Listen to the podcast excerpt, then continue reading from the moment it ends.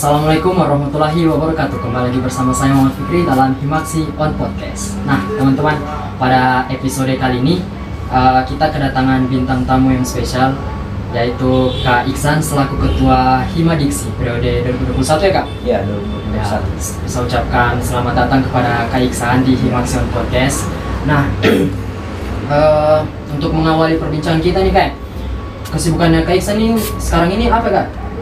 Eh, kalau ditanya kesibukan ya paling sebagai ketua lembaga kan kita Hmm. mengurus lembaga. Hmm. Terus tidak lupa juga sebagai mahasiswa kita tentu mengurus tentang perkuliahan seperti itu. Kalau saya dengar-dengar kayak ada pelatihan-pelatihan gitu kan, sudah Ya. selesai pelatihannya kak atau? Eh, Alhamdulillah sudah selesai kemarin itu pelatihannya enam hari. Hari. Alhamdulillah sudah selesai berjalan dengan lancar sukses juga. Langsung skitsa, langsung saja mungkin kayak ke pertanyaan-pertanyaan yang mungkin sudah di ada disampaikan sama saya selaku uh, narasumbernya kayak. Ya. Di sini ada pertanyaan untuk mengawalinya saja itu apa sih itu himadiksi kak dan perannya terhadap bidik misi atau kip kuliah itu bagaimana? Ya. Kalau ditanya tentang Himadiksi ya, eh, Himadiksi itu saya mungkin dari sejarahnya mungkin sedikit ya. Ah, boleh. Himadiksi itu berdiri di 2010 sesuai dengan programnya bidik misi. Ah. Ah, pada saat itu bidik misi programnya Pak SBY tahun 2010. Ah, jadi situ senior seniornya kita yang dulu itu angkatan 2010, mereka itu kayak eh, inisiatif dan karena kenapa kan eh, adik-adiknya yang dari kampung, utamanya yang dari kampung kan untuk mengurus berkas-berkas tentang bidik misi mau kuliah dengan beasiswa itu susah. Makanya mereka ada inisiatif untuk membuat satu lembaga yang mana nantinya mewadahi eh, adik-adik ini untuk pengurusan berkas-berkas bidik misinya. Jadi kalau dibilang Himadiksi itu lembaga yang mewadahi mahasiswa bidik misi tentang pertanyaan terkait bidik misi dan pengurusan berkasnya itu mereka yang membantu seperti itu. Oh berarti karena alasan diciptakannya ini himadiksi ini mungkin karena latar belakang dari mahasiswa itu sendiri Ya, kurang mampu kurang itu jadi ada itu. inisiatif untuk membantu kan gitu ya kan Iya. Ah, tadi ada saya garis bawah ya kayak ada tentang bidik misi kan dan sekarang itu kalau tidak salah sudah diganti kan sekarang kip kuliah. Nah mungkin bisa kak Iksan jelaskan itu kak? Apa perbedaannya kip kuliah dengan bidik misi? Mungkin yang mana lebih baik antara kip kuliah dan bidik misi? Kalau eh, soal itu perbedaan eh, saya, saya sendiri ya pandangan Hmm. saya itu kan seperti yang saya bilang tadi bidik misi itu kan dia ber, adanya tahun 2010 itu masa kepresidenan Pak SBY. Hmm. Ah, terus sementara KIP kuliah ini diganti eh, kalau saya bilang ini pergantian nama dari Hmm. misi ke KIP kuliah Hmm. di masa kepresidenannya Pak Jokowi programnya eh, dari Pak Jokowi. Kalau perbedaan kurang lebih hampir sama lah Hmm. dari kesamaannya mulai dari segi eh, pembiayaannya eh, terus batas pembiayaan itu 8 semester bidik misi itu 8 semester yang dibiayai artinya 4 tahun KIP juga seperti itu hanya saja di KIP ini dia lebih ditambahkan kuotanya istilahnya lebih banyak kuotanya Nah, jadi betul-betul pemerintah mau supaya anak-anak di yang betul-betul mampu Hmm. da- mampu dalam segi otak kan Hmm. tapi kurang mampu dalam segi finansial Hmm. untuk bisa kuliah lanjut ke perguruan yang lebih tinggi seperti itu makanya diganti jadi KIP kuliah dirubah seperti itu dan juga eh, kalau perbedaan di bidik misi sebelumnya yang saya pahami itu dia perlu rekomendasi dari sekolah. Hmm. artinya sekolah yang merekomendasikan eh, siswa ini untuk ikut beasiswa bidik misi sementara KIP bisa lebih mandiri. Jadi siswa bisa mandiri untuk mendaftar KIP tanpa perlu rekomendasi dari sekolah. Namun jika ada rekomendasi itu, itu lebih bagus lagi. Kurang lebih seperti itu perbedaannya. Hampir sama dia kalau menurut saya. Berarti secara umum sistemnya KIP kuliah dan bidik misi hampir sama ya kayak mungkin dari registrasinya saja Iya. berbeda tadi kayak. Hampir sama. Menurut saya sih hampir sama mulai dari registrasi pendaftaran sama-sama cuma itu. Eh, kuotanya mungkin lebih banyak karena memang betul ya, pemerintah yang seperti bilang tadi. Dia mau supaya anak-anak di kampung khususnya yang di kampung ya supaya bisa kuliah. Seperti itu. Mungkin langsung saja kita ke pertanyaan selanjutnya. Kayak mungkin tadi sudah terjawab teman-teman. Eh, langsung saja ini ada pertanyaan dari eh, mahasiswa akuntansi juga nih kak. Iya. Mungkin ada temannya atau siapalah yang bertanya ini apakah bisa jalur SM itu SM SM ya mendaftar KIP kuliah kak? Nah, Gitu. untuk jalur SM itu eh, yang saya pahami ya dan saya ketahui sebenarnya dia kalau di sendiri tidak ada. Hmm. Hanya saja eh, ketika ada kuota yang lebih di untuk SB itu pasti dialihkan ke mandiri seleksi mandiri.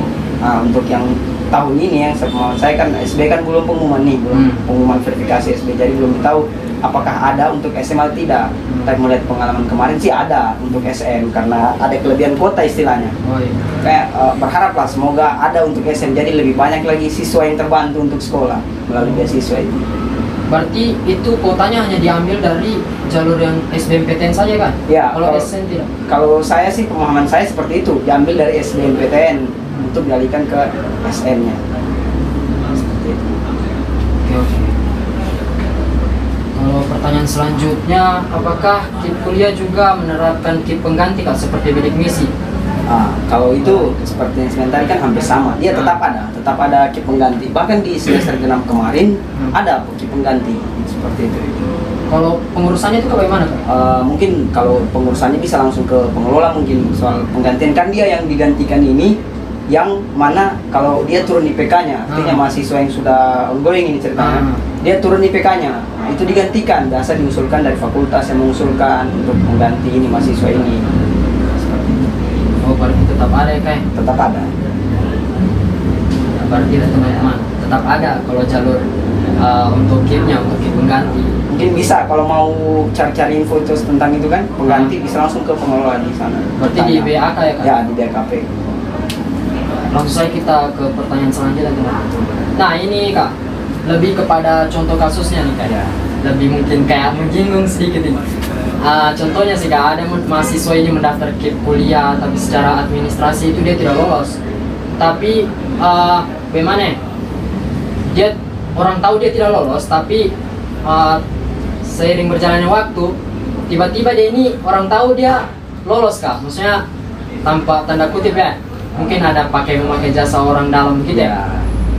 Menurutnya Kak Iksan itu bagaimana? Kemudian apakah dari pengalamannya Kak Iksan ini selama di Himadiksi pernahkah mendapatkan hal seperti itu atau bagaimana Kak? Maksudnya dengan tindakannya kakak lah, maksudnya selaku ketua umum Himadiksi sekarang. Eh, kalau menanggapi hal itu ya orang dalam ya saya rasa ini jadi permasalahan semua pihak menurutku bahkan di bukan hanya di kampus pemerintahan seperti itu juga Hmm. di dunia kerja pasti ada orang dalam itu kalau yang masalah seperti itu saya rasa pengelola sudah selektif dalam memilih. Hmm. artinya mereka sudah melakukan berbagai macam se- apa ini berbagai macam verifikasi supaya ini menghindari hal-hal yang seperti ini.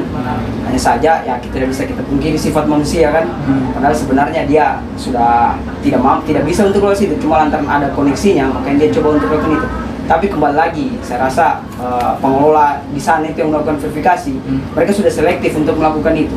Tetap pasti di yang dapat itu memang betul-betul orang yang pantas agar bagaimana supaya program pemerintah itu betul-betul tepat sasaran seperti itu kalau dari saya sendiri eh, tetap kami lakukan itu kalau memang ada yang betul-betul tidak pantas dan dia pakai jalur orang dalam seperti itu tetap kami laporkan ke pihak yang betul-betul melakukan itu Nah, kalau dari pengalamannya Kak Iksan ini Kak, pernah mendapatkan kasus seperti itu atau tidak? Kak? kalau dari kayak pengalaman- melapor sama Kak Iksan. Iya, kalau dari saya sih pengalaman alhamdulillah, alhamdulillah sampai sekarang sih belum ada yang seperti itu kalau ada ya? pengalaman saya seperti itu ada yang melakukan kayak praktek-praktek orang dalam apalagi melapor Ya. belum ada Nah, tapi ini kak pertanyaan ini terkait juga dari mahasiswa bidik misi kak mungkin keluh kesahnya mungkin Iya. Kak, melihat teman-temannya itu yang mungkin dalam kategori mampu ya kak ya mungkin Ah. dia bawa mobil ke eh, ke kampus terus pakai HP HP HP iPhone iPhone. mungkin dia heran melihat karena dia lolos bidik misi gitu mungkin itu pandangannya itu lain menurutnya jadi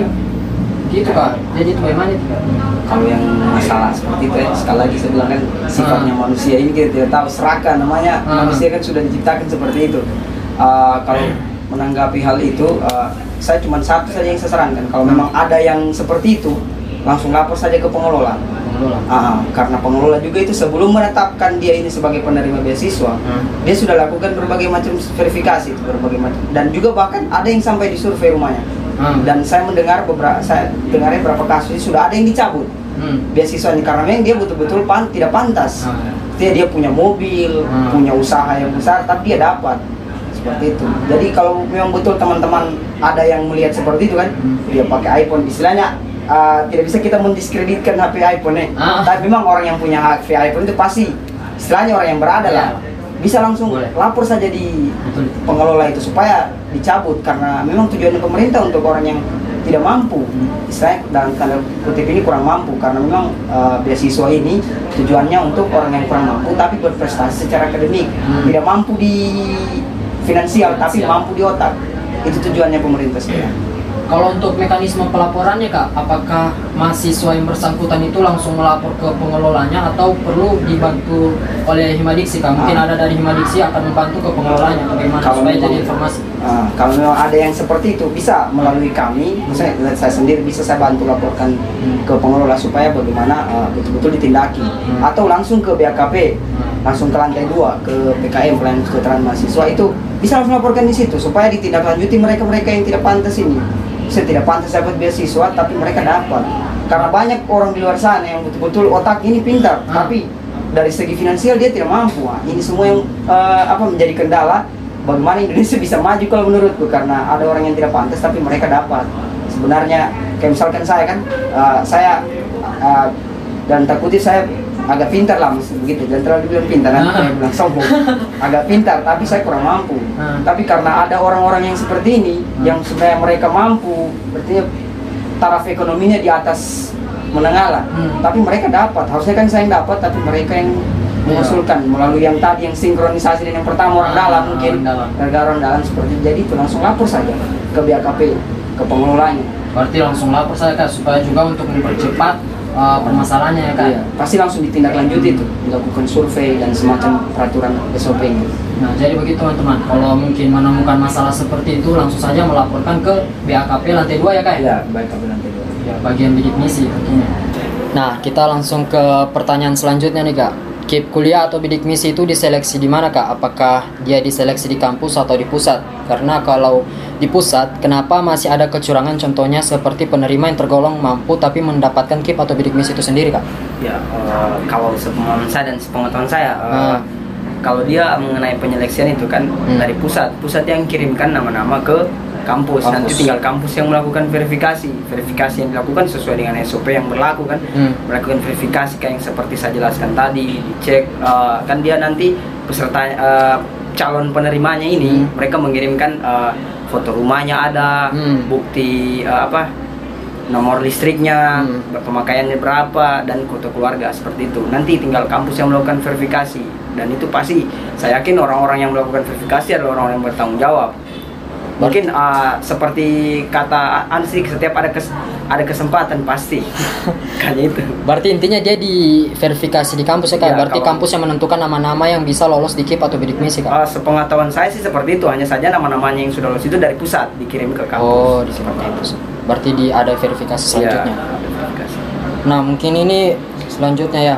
Mungkin ini pertanyaan yang terakhir Kak sekaligus mungkin banyak yang bertanya-tanya mungkin mahasiswa bidik misi nih Kak. Apa sebenarnya kendala sehingga bidik misi atau KIP kuliah itu kadang lambat pencairannya Kak? Ya, uh, tentunya pertanyaan ini pasti akan muncul di akhir-akhir mau pencairan Ah. pasti. Pasti. Bahkan grup-grup bidik misi, grup Hmm. kuliah itu pasti ramenya di situ. Setelah kalau mau pencairan pasti rame. Kenapa? Karena mereka pasti menunggu kan namanya mahasiswa yang dapat beasiswa. Hmm. Pasti mereka bergantung pada beasiswa itu. Ah, terkait kenapa dia lambat, Hmm. itu uh, sepengetahuan saya dia kalau dia lambat itu karena fakultas yang lambat kirim nilai ke BKP Hmm. karena itu karena dia penilaiannya kolektif penginputannya kolektif. Jadi kalau ada fakultas yang lambat satu fakultas yang lambat kirim jadi semuanya lambat dicarikan. Karena dia kolektif tidak bisa satu kali dia semua dia. Ah, terus yang masalah yang kedua mungkin pengaruh keterlambatan pencairan itu mungkin karena biasa pengaruh koneksi jaringan seperti kadang misalkan ah, error-error kan jaringan tapi yang eh, pengetahuan saya yang paling utama itu terkait pen- penginputan nilai itu ya, Kak? makanya teman-teman saya imbau kalau yang masa bidik misi Hmm. agar supaya bagaimana bisa ditekan istilahnya uh, supaya fakultas, Fakultas. kirim cepat Ah. supaya pencairan kita tidak lambat juga pasti itu jadi masalah soal pencairan Ah, berarti itu teman-teman. Berarti itu kendala-kendalanya seperti yang Kak Iksan jelaskan tadi. Yang faktor pertamanya itu adalah dari fakultas itu sendiri. Dari dan yang kedua itu mengenai jaringan ya kayak. Iya, jaringan. Kalau jaringan mungkin kita tidak bisa tidak bisa kita bergerak Iya. karena itu. Nah mungkin itu tadi teman-teman diskusi kita mengenai tentang KIP kuliah ataupun bidik misi. Saya ucapkan terima kasih kepada bintang tamu. Terima kasih juga buat teman-teman yang sudah menonton dan mendengarkan podcast kita kali ini. Uh, dan tetap semangat membangun mimpi, tetap kreatif meraih prestasi dan tetap jadikan Himaksi on Podcast sebagai headline kamu di Spotify dan Anchor. Dan jangan lupa juga subscribe YouTube Himaksi, Himaksi Tadulako teman-teman. Saya Muhammad Fikri, pamit undur diri bersama Kak Iksan. Pamit undur diri. Assalamualaikum warahmatullahi wabarakatuh.